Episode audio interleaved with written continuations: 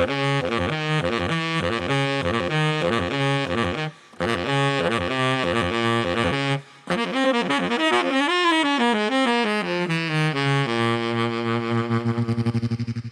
audycję Kind of Jazz zapraszają Szymer Stępnik, Mateusz Golami i Jędryk Janicki. Dzisiejsze nagranie realizuje Laura Janowska. Laura, bardzo dziękujemy za dzisiaj i za cierpliwość, którą do nas masz.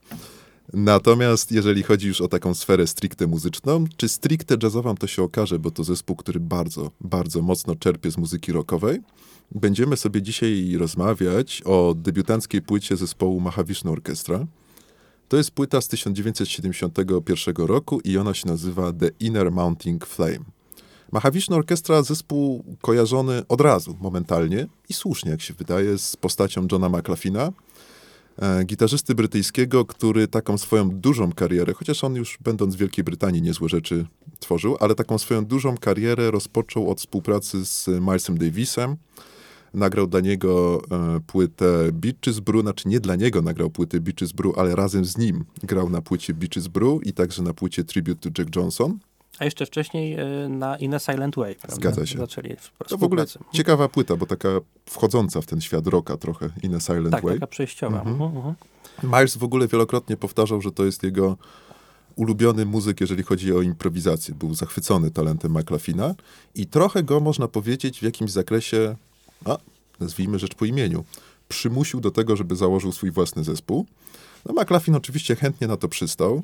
Drugim takim filarem tego składu, który, który bardzo długo grał z McLaughlinem, jest perkusista Billy Cobham, z którym McLaughlin poznał się właśnie podczas nagrywania płyty, głównie Tribute to Jack Johnson Milesa, bo na Beaches Brew trochę grał Cobham, ale w większości partii perkusji grał Jack DeJohnette, o ile mnie pamięć nie myli. Do zespołu wzięli, mm, panowie chcieli tak, takiego basistę Mirosława Witousa, z Czechosłowacji ówczesnej. Natomiast Witous był zajęty i polecił, y, polecił im Ricka Lerda, basistę, no takiego bez większej przeszłości, grywał z Buddy Milesem wcześniej. No tak, w sumie to dość duża przyszłość, przeszłość grywać z Buddy Milesem. I ten Mirosław Witous, Witousa w ogóle możecie znać z nagrań z Adamem Pierończykiem. Kilka lat temu wyszła fantastyczna płyta.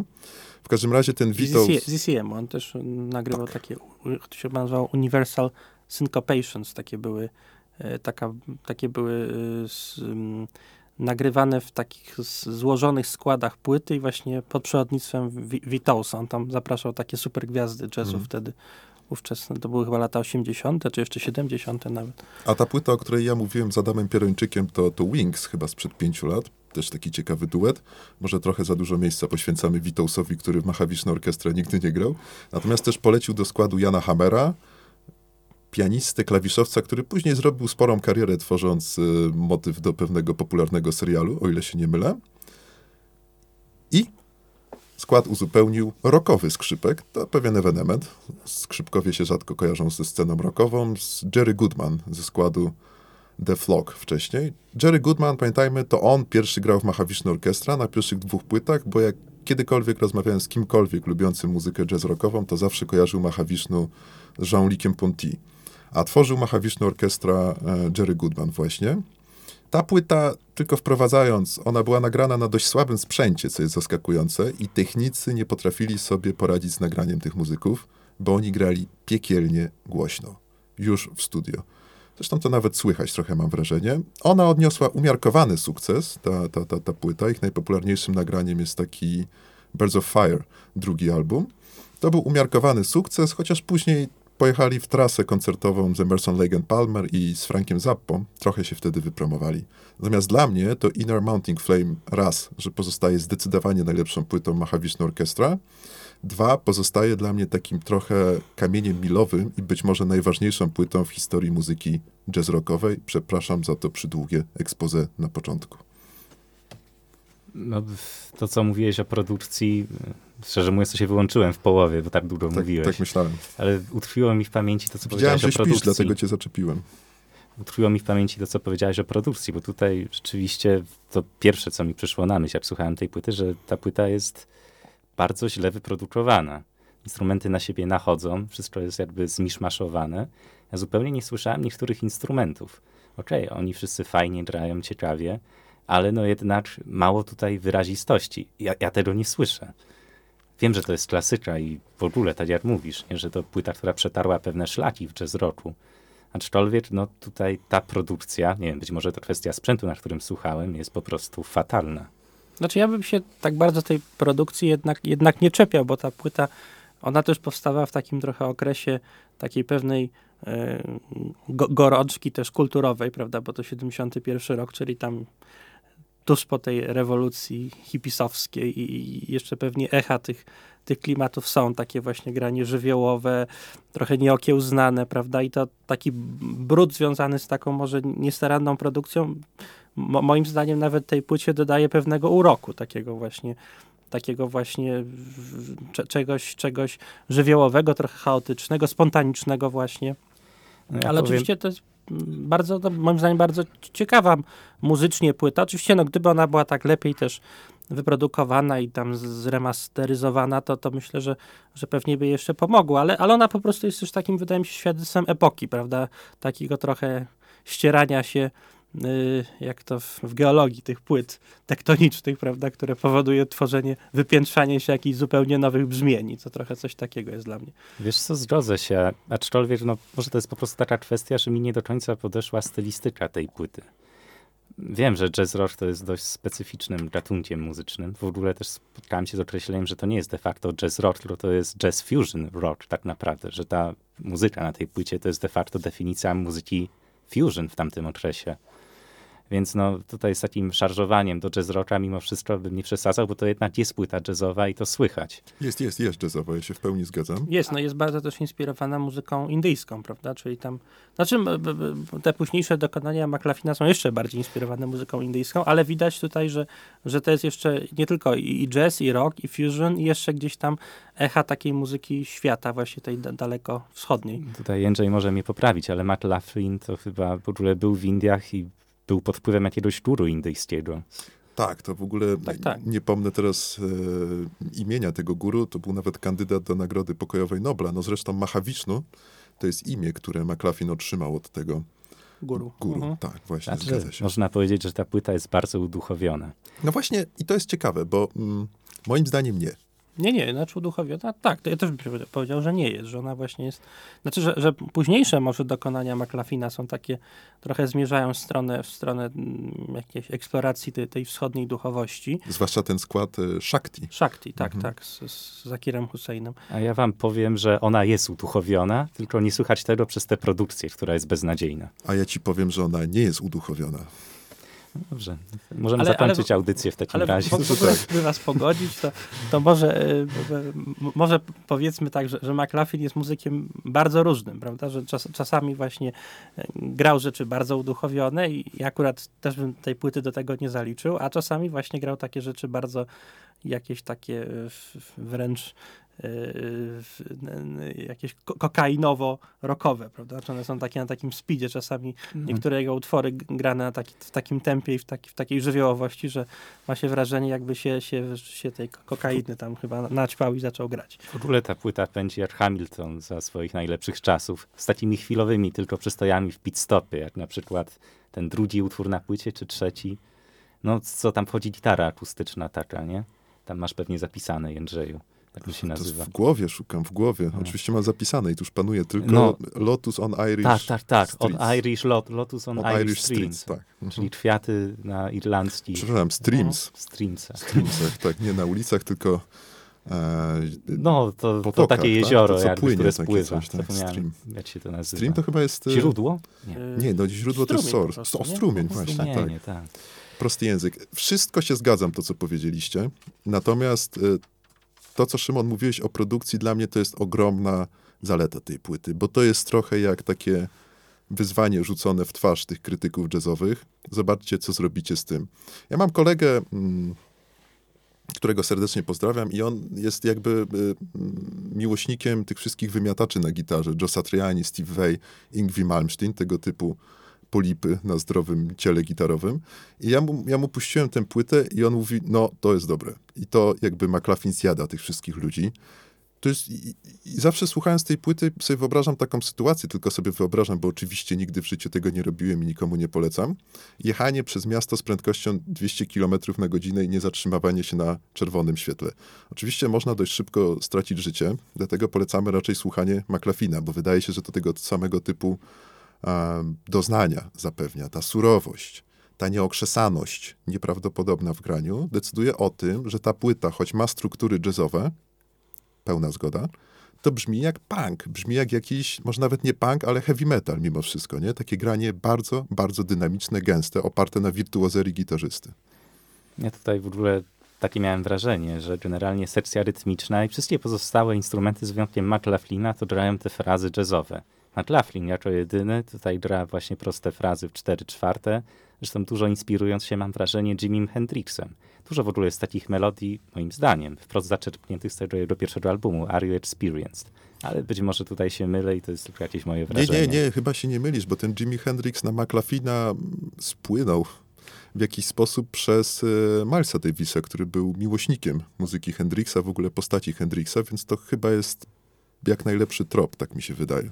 Znaczy, bo u McLafina jest ciekawe to, że on właśnie y, potrafi grać no, bardzo szybko, prawda, tak, tak żywiołowo, energetycznie, y, tak wręcz, wręcz frenetycznie, o, właśnie tego słowa mi brakło, a z drugiej strony y, właśnie to one są, te, te, te solówki, czy te takie właściwie strzały gitarowe, ja bym to tak nazwał, takie właśnie jakieś fragmenty bardzo żywiołowe, one są z drugiej strony bardzo precyzyjne, prawda, i to za to się właśnie chwali McLafina i on ma e, niekwestionowane miejsce w historii muzyki gitarowej jako jeden z największych gitarzystów elektrycznych w ogóle, no bo on właśnie gra nie dość, że bardzo szybko, bardzo żywiołowo, to jednocześnie bardzo Y, precyzyjny, jest bardzo precyzyjny technicznie, po prostu trafia y, precyzyjnie w te, w te dźwięki, które chce zagrać. Tam nie ma, nie ma jakby, te, te dźwięki się nie rozmywają przez to, że są grane tak szybko, tylko wszystko jest jednocześnie bardzo, bardzo dokładne i bardzo precyzyjne. I on ma miejsce w panteonie muzyków, e, gitarzystów elektrycznych, lecz również klasycznych.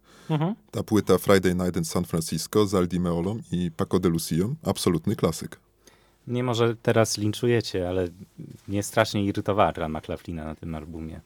Nie no, nie będziemy linczować, poza za, tym to jest za, dużo, za dużo tu przede wszystkim przesteru pojawiło się z jego strony, no ale to jak mówię, kwestie produkcyjne, ale też te jego frazy zupełnie jakby nie pasowały mi do tych innych fajnych, ciekawych motywów, które grali pozostali muzycy. Tak jakby, trochę tak, że jak mówiłeś o albumie SNM2 Metality, że McLaughlin swoje, a pozostali muzycy swoje, miałem wrażenie. Być może to jest mocny zarzut, ja się z tym zgadzam, natomiast to takie pourywane niejednokrotnie frazowanie McLafina dla mnie jest cechą charakterystyczną tej płyty i w połączeniu, ja tu mało słyszę w ogóle Jana Hammera. Dla mnie jest trochę za mało mhm. tych klawiszy, nie wiem, jakieś takie mam wrażenie, ale sekcja rytmiczna robi tak nieprawdopodobne tło, Rick Laird i Billy Cobham, przyznam wam się, to moja ukochana sekcja rytmiczna w muzyce w ogóle. Oni jakby rozrywają te wszystkie struktury od wewnątrz, jakoś tak nawet nie tyle zostawiają przestrzeń McLaughlinowi, bo to nie jest tworzenie tylko przestrzeni pod partie solowe, co raczej rzucają mu znowu takie wyzwanie. A co zrobisz z tym? Co zrobisz z tym? Czy jesteś w stanie nas przebić? To jest takie wzajemne nakręcanie się, pełne wirtuozerii, czasami rzeczywiście może gubiące trochę taki muzyczny flow, ale poprzez swoją skrajność, to co czasami słychać w muzyce Johna Coltrane'a, zwłaszcza wczesnego, jest po prostu szalenie intrygujące dla mnie. To na, to na pewno, chociaż rzeczywiście być może ta, ta muzyka McLafina może trochę niektórych denerwować, bo ona jest taka rzeczywiście bardzo, bardzo nerwowa, prawda? Taka jest jakby no no, no, no, na pewno nie, nie można się wyciszyć za pomocą tej muzyki, czy jakoś tam zrelaksować. Ona tak wprowadza w taki, w taki nastrój takiej po, po, pobudliwości dużej, prawda? I to rzeczywiście jest taka jego cecha. Zresztą yy, to, to, być może nawet jakiś taki problem lekko psychologiczny, że on zawsze tak właśnie grał bardzo, bardzo nerwowo, nigdy nie potrafił jakby yy, też, też jakby stworzyć takiej większej przestrzeni dla swoich muzyków, ale na przykład jest w internecie takie piękne nagranie, zupełnie inaczej tam gra i w ogóle jestem, chociaż ja swoją drogą no, bardzo lubię też to, to takie właśnie nerwowe granie McLafina, bo ono jest bardzo oryginalne przy tym, bo może to nie są takie szczególnie moje klimaty czy moja wrażliwość, ale, ale bardzo doceniam od strony technicznej, od takiej strony też artystycznej to,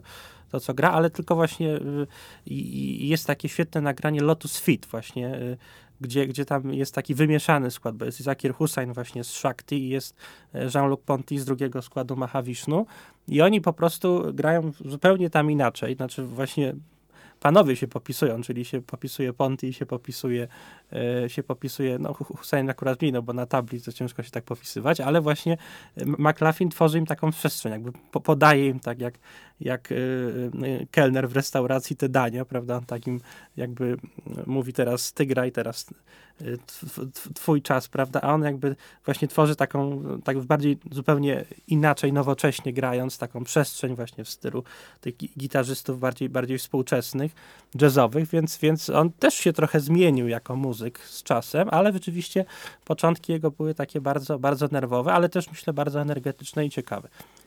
Ja McLaughlina znam z przede wszystkim y, z jego koncertu z powszechnie tutaj nielubianym w naszym środowisku Ciciem Chorio. Five Piece Band, tak się nazywał ten koncert. On był fenomenalny. Tam McLaughlin rzeczywiście grał trochę nerwowo, trochę, trochę odseparowany od tego, co robił Chick. Coś podobnie do tego, co jest na tym albumie. Ale być może używał y, innych przesterów, innych efektów gitarowych i brzmiał zupełnie inaczej, milej dla ucha, ciekawiej dla mnie. Bo tutaj, tutaj, tutaj, tutaj, wiem, wiem, że ten album jest klasyką, jeszcze raz podkreślam i ja cię wielkie wrażenie zrobił e, na, na przestrzeni lat, na pozostałych muzykach. Wielu zresztą muzyków podaje ten album jako przykład czegoś, co ich inspirowało. Na przykład John Frusciante też stwierdził, że to jest jego ulubiony album jazz. No ale właśnie ja tutaj, ja, ja to zupełnie nie czuję. Ja, zupe, ja, zupełnie nie czuję gry McLaughlina. On dla mnie zupełnie jakby nie rozumie się z tym zespołem, który, który gra przed niego. Ale wiecie co? Masz trochę racji. Jak najbardziej. Nie będę mówił, że nie, ale w tej płycie jest taki aspekt, który mnie fascynuje, który fascynuje mnie w muzyce jazzowej głównie, i który zauważyłem właśnie słuchając e, Giant Steps Johna Coltrane'a. To jest po prostu pójście w trupa. To jest takie granie, jakby czasami mam wrażenie, że i McLaughlin, i Billy Cobham, i Rick Laird, i wszyscy tutaj, Hammer może najmniej niestety, oni już są tak bardzo zanurzeni w tej solówce, w tych partiach solowych, które grają, że jakby tracą kontrolę nad instrumentem. Coś, co tym gitarowym bogom typu Weiss, Satriani, Malmsteen się nigdy nie zdarza, tutaj się pojawia często. I dla mnie to jest piękne, że jakby zaczyna mówić sama gitara, same to brzmienie gitary, które tylko w jakimś zakresie jest kontrolowane przez McLaughlina. Przemawia sama ta muzyka, ja tak mam, słuchając tego albumu, a ta kontrola rzeczywiście nie jest taka duża. To, to nie jest perfekcyjne granie, to nie jest dopracowane wszystko. To jest takie rzucenie się na głęboką wodę i kompletne zatracenie się, jakby powiedział Soren Kierkegaard, tak się powinno wymawiać, taki skok w ciemność, coś na takiej rzeczy. I, i, i mhm. słuchając McLaughlina na tej płycie mam takie wrażenie i za to tę płytę pokochałem. E, ale wiesz co, Jędrzej, też rozmawialiśmy tutaj o takiej płycie Kenero Barrella, prawda? On też się zatracał w tej gitarze, też mam wrażenie zupełnie nie kontrolował tego, co robi, ale nie kontrolował tego zupełnie inaczej niż McLaughlin. McLaughlin mam wrażenie, że pewne takie ubytki kompozycyjne próbował uczyć właśnie przesterem i takim graniem na gitarze, nieco prostsze. Ale to jest chyba inna, inna filozofia jednak gry. No, no, mm, Barrel jest jednak takim muzykiem dosyć stanowanym, kulturalnym, takim grzecznym w cudzysłowie. Natomiast właśnie yy, McLaughlin jest, jest kwintesencją takiego niegrzecznego muzyka, prawda, który jakby rzuca się w tą przestrzeń improwizacji, gry i po prostu no, dokończę. To, to go zupełnie jakby no, niesie w jakieś rejony, których on pewnie sam nie przewidział, prawda? Trochę mi się kojarzy z tym na przykład, co, co Keith Jarrett czasami wyprawia na koncertach, prawda? On się jakby y, rzuca na kompletnie głęboką wodę, w ogóle w jakieś wchodzi e, obszary muzyczne, które są kompletnie dla niego samego nieprzewidywalne i takie no, jakby no, trącące jakimś samobójstwem muzycznym wręcz, prawda? I potem gdzieś próbuje z tego jakimiś dziwnymi drogami kosmicznymi kosmicznymi wyjść, ob, obejść to, prawda? I mu się udaje, jak kot na cztery łapy spada. I trochę jest taki, taki jest trochę McLaughlin. To jest jakby dzika muzyka, zupełnie, zupełnie dzika i żywiołowa. Okej, okay, to inny przykład. Y, Jimi Hendrix, Are You Experience, albo w ogóle lepiej to koncert w Woodstocku z 69 no, roku. Jimi Hendrix jest po podobny trochę w tym, I w tym przypomina sensie. McLaughlina, mhm, tak. tak. To bardziej McLaughlin przypomina Hendrixa. No tak. Użył, to, to, użył takiego skojarzenia. Okej. Okay. Dla mnie to jest właśnie taka nieudolna imitacja Jimmy'ego Hendrixa. No, nie bójmy się tego określenia, znaczy ja się nie boję, że aż tutaj mam wrażenie McLaughlin za bardzo chciał jakby kopiować, inspirować się grą Jimmy'ego Hendrixa, No. czego owocem jest taki no, dla mnie album, album, który jest trochę potworkiem. Ja bym się trochę bał tego określenia jednak, bo Hendrix poruszał się na poziomie muzyki jednak popowej, piosenkowej Mhm, i mhm. bluesowej raz na jakiś czas.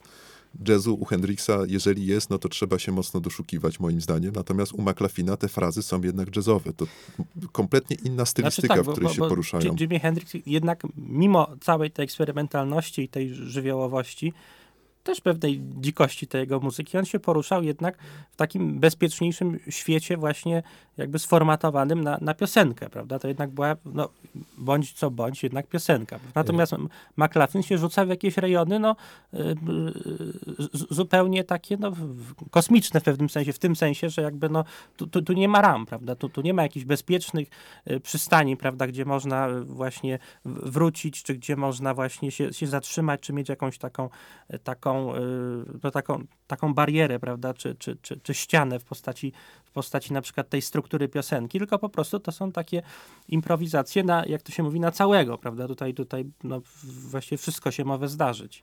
Ja się absolutnie nie zgodzę z wami. Dla mnie, to mnie, to mnie najbardziej irytowało na tym albumie, że właśnie y, McLaughlin robi swoje, robi swoje po rockowemu, natomiast cały pozostały zespół gra jazzowo.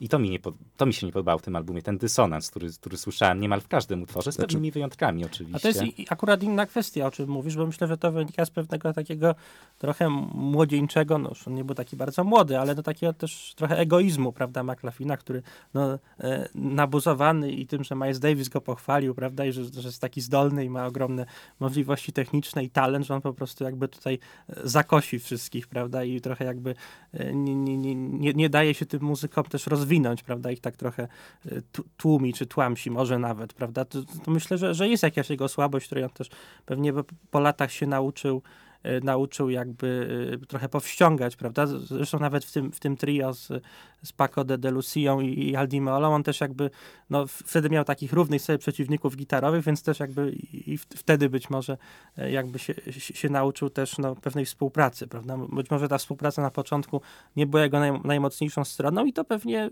może też irytować na tej płycie, na pewno. Mhm. I pewną różnicą między Mahavishnu z tego pierwszego wcielenia, a mm, składami Hendrixa, chodzi mi o Experience, czyli Mitch Mitchell, Noel Redding i później Band of Gypsies, czyli tam chyba Buddy Miles wspominany i Billy Cox, jest taka, że to trio Hendrixa, ta sekcja rytmiczna Hendrixa, do tego się ograniczmy, oni zawsze dawali, mimo swojej bardzo efektownej, bardzo wirtuozerskiej gry, dawali taki punkt zaczepienia, że Hendrix zawsze miał się do czego odnieść.